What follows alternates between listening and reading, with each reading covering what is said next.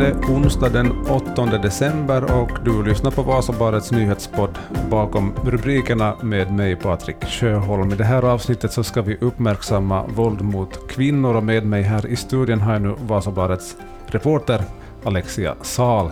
Du har den här senaste tiden jobbat med en artikel om just våld mot kvinnor. Eh, vi vet ju sedan tidigare att Finland har gjort sig känt som ett land där våld mot kvinnor är vanligare jämfört med många andra europeiska länder. Men vad kan man säga om hur, hur vanligt eller hur förekommande är det i Finland 2021? Mm. Som du sa, Finland hör då till ett av de EU-länder där situationen är som värst. Um, och I en undersökning från 2014 så då uppgav 53 procent av de finländska kvinnorna att de har utsatts för någon form av psykiskt våld. 30 procent uppgav att de har utsatts för fysiskt eller sexuellt våld och 20 procent har upplevt förföljelse. Och 2019 så fick de finländska myndigheterna kännedom om 10 600 finländska offer för partnervåld och våld i nära relationer. Och det innebär då en ökning på 7 procent fler än vad det var 2018. Okej, okay, precis. Så 2019 är de, de senaste siffrorna man har. Mm, det finns inte riktigt färsk statistik på det här, men ja. Precis. Um, hur... Eller, eller om man liksom tar det från den ändan, att varför uppstår våldet och på vilket sätt tar det i, i uttryck? Ja, det här varför finns väl egentligen inget exakt svar på varför. Ehm, jag tror att många önskar att det skulle finnas ett svar på varför det ser ut så här, men, men tyvärr eh, finns inte riktigt. Men eh, de här våldsformerna, så de varierar, kan vara sexuellt våld, våld i nära relationer, psykiskt våld, hedersrelaterat våld, förföljelse, tvångsgifte, eh, tvångsabort, tvångssterilisering, eh, om människohandel.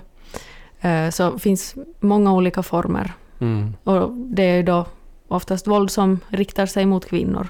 Precis.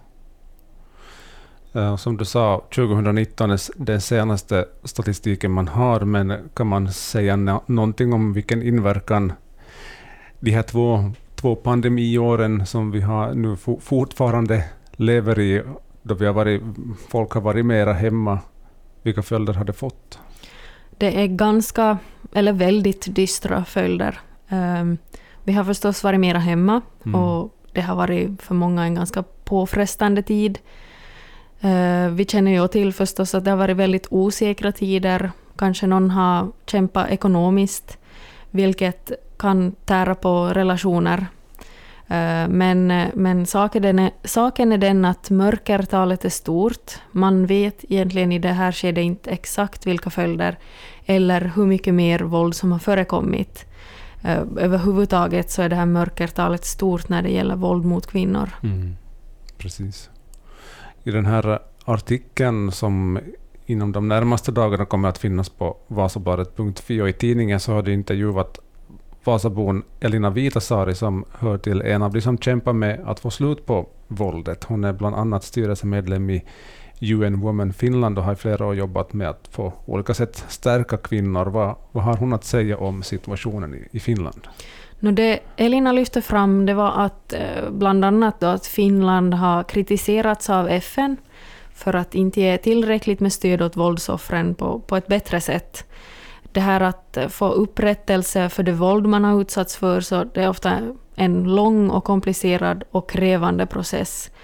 Eh, hon nämnde också att eh, i Finland så får vi höra hur dåligt vi har försökt med att liksom få slut och stopp på det här våldet mot kvinnor.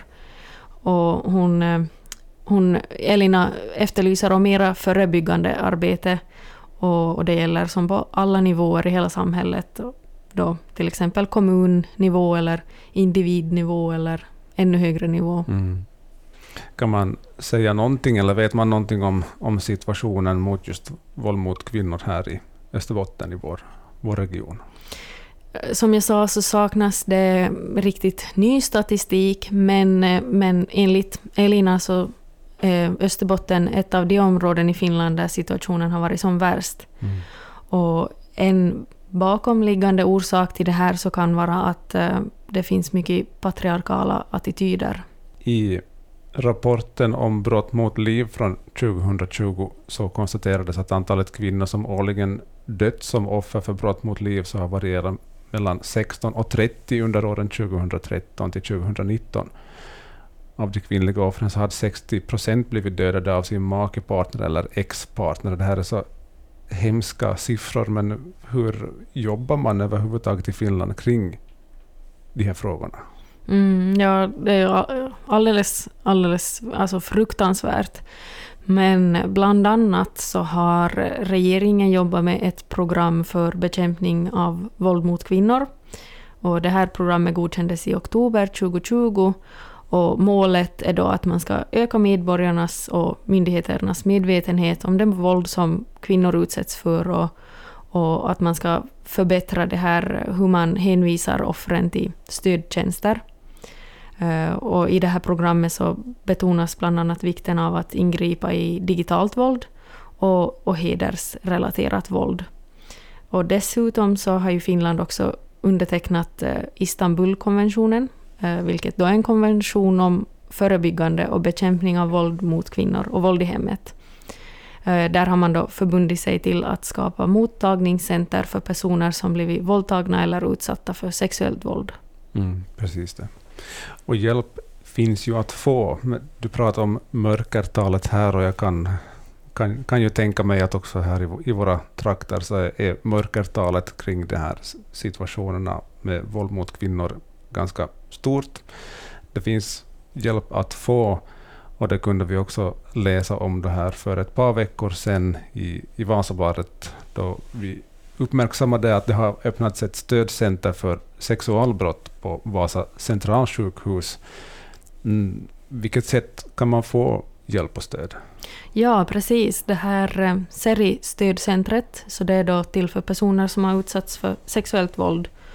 Och i den här intervjun då för Vasabladet så berättade Tanja Skuthella, som är överläkare inom gynekologi och förlossningar, på Vasa centralsjukhus att eh, målet är då en lågtröskelverksamhet för alla som har fyllt 16 år. Och på det här stödcentret så tas alla eh, emot som har blivit utsatta för sexuellt våld, oavsett kön. Och den här mottagningen den är avgiftsfri och öppen dygnet runt. Och på plats då så får man hjälp med till exempel rättsmedicinsk undersökning, eh, olika laboratorieprover, medicin, Eh, akuta preventivmedel och fortsatt, en fortsatt vårdplan. Och enligt de som jobbar på det här stödcentret så är målsättningen att man ska komma ur den här händelsen så, så hel som möjligt genom psykiskt och socialt stöd. Mm. Jättebra att det också har öppnat ett sånt på Vasa centralsjukhus. En lista med var man kan få hjälp om man är utsatt för våld det kommer du att hitta i Alexias artikel som du hittar på vasabaret.fi ja, inom kort. Och en länk till den artikeln kommer också att finnas i beskrivningen till det här poddavsnittet. Tusen tack ska du ha, Alexia. Tack.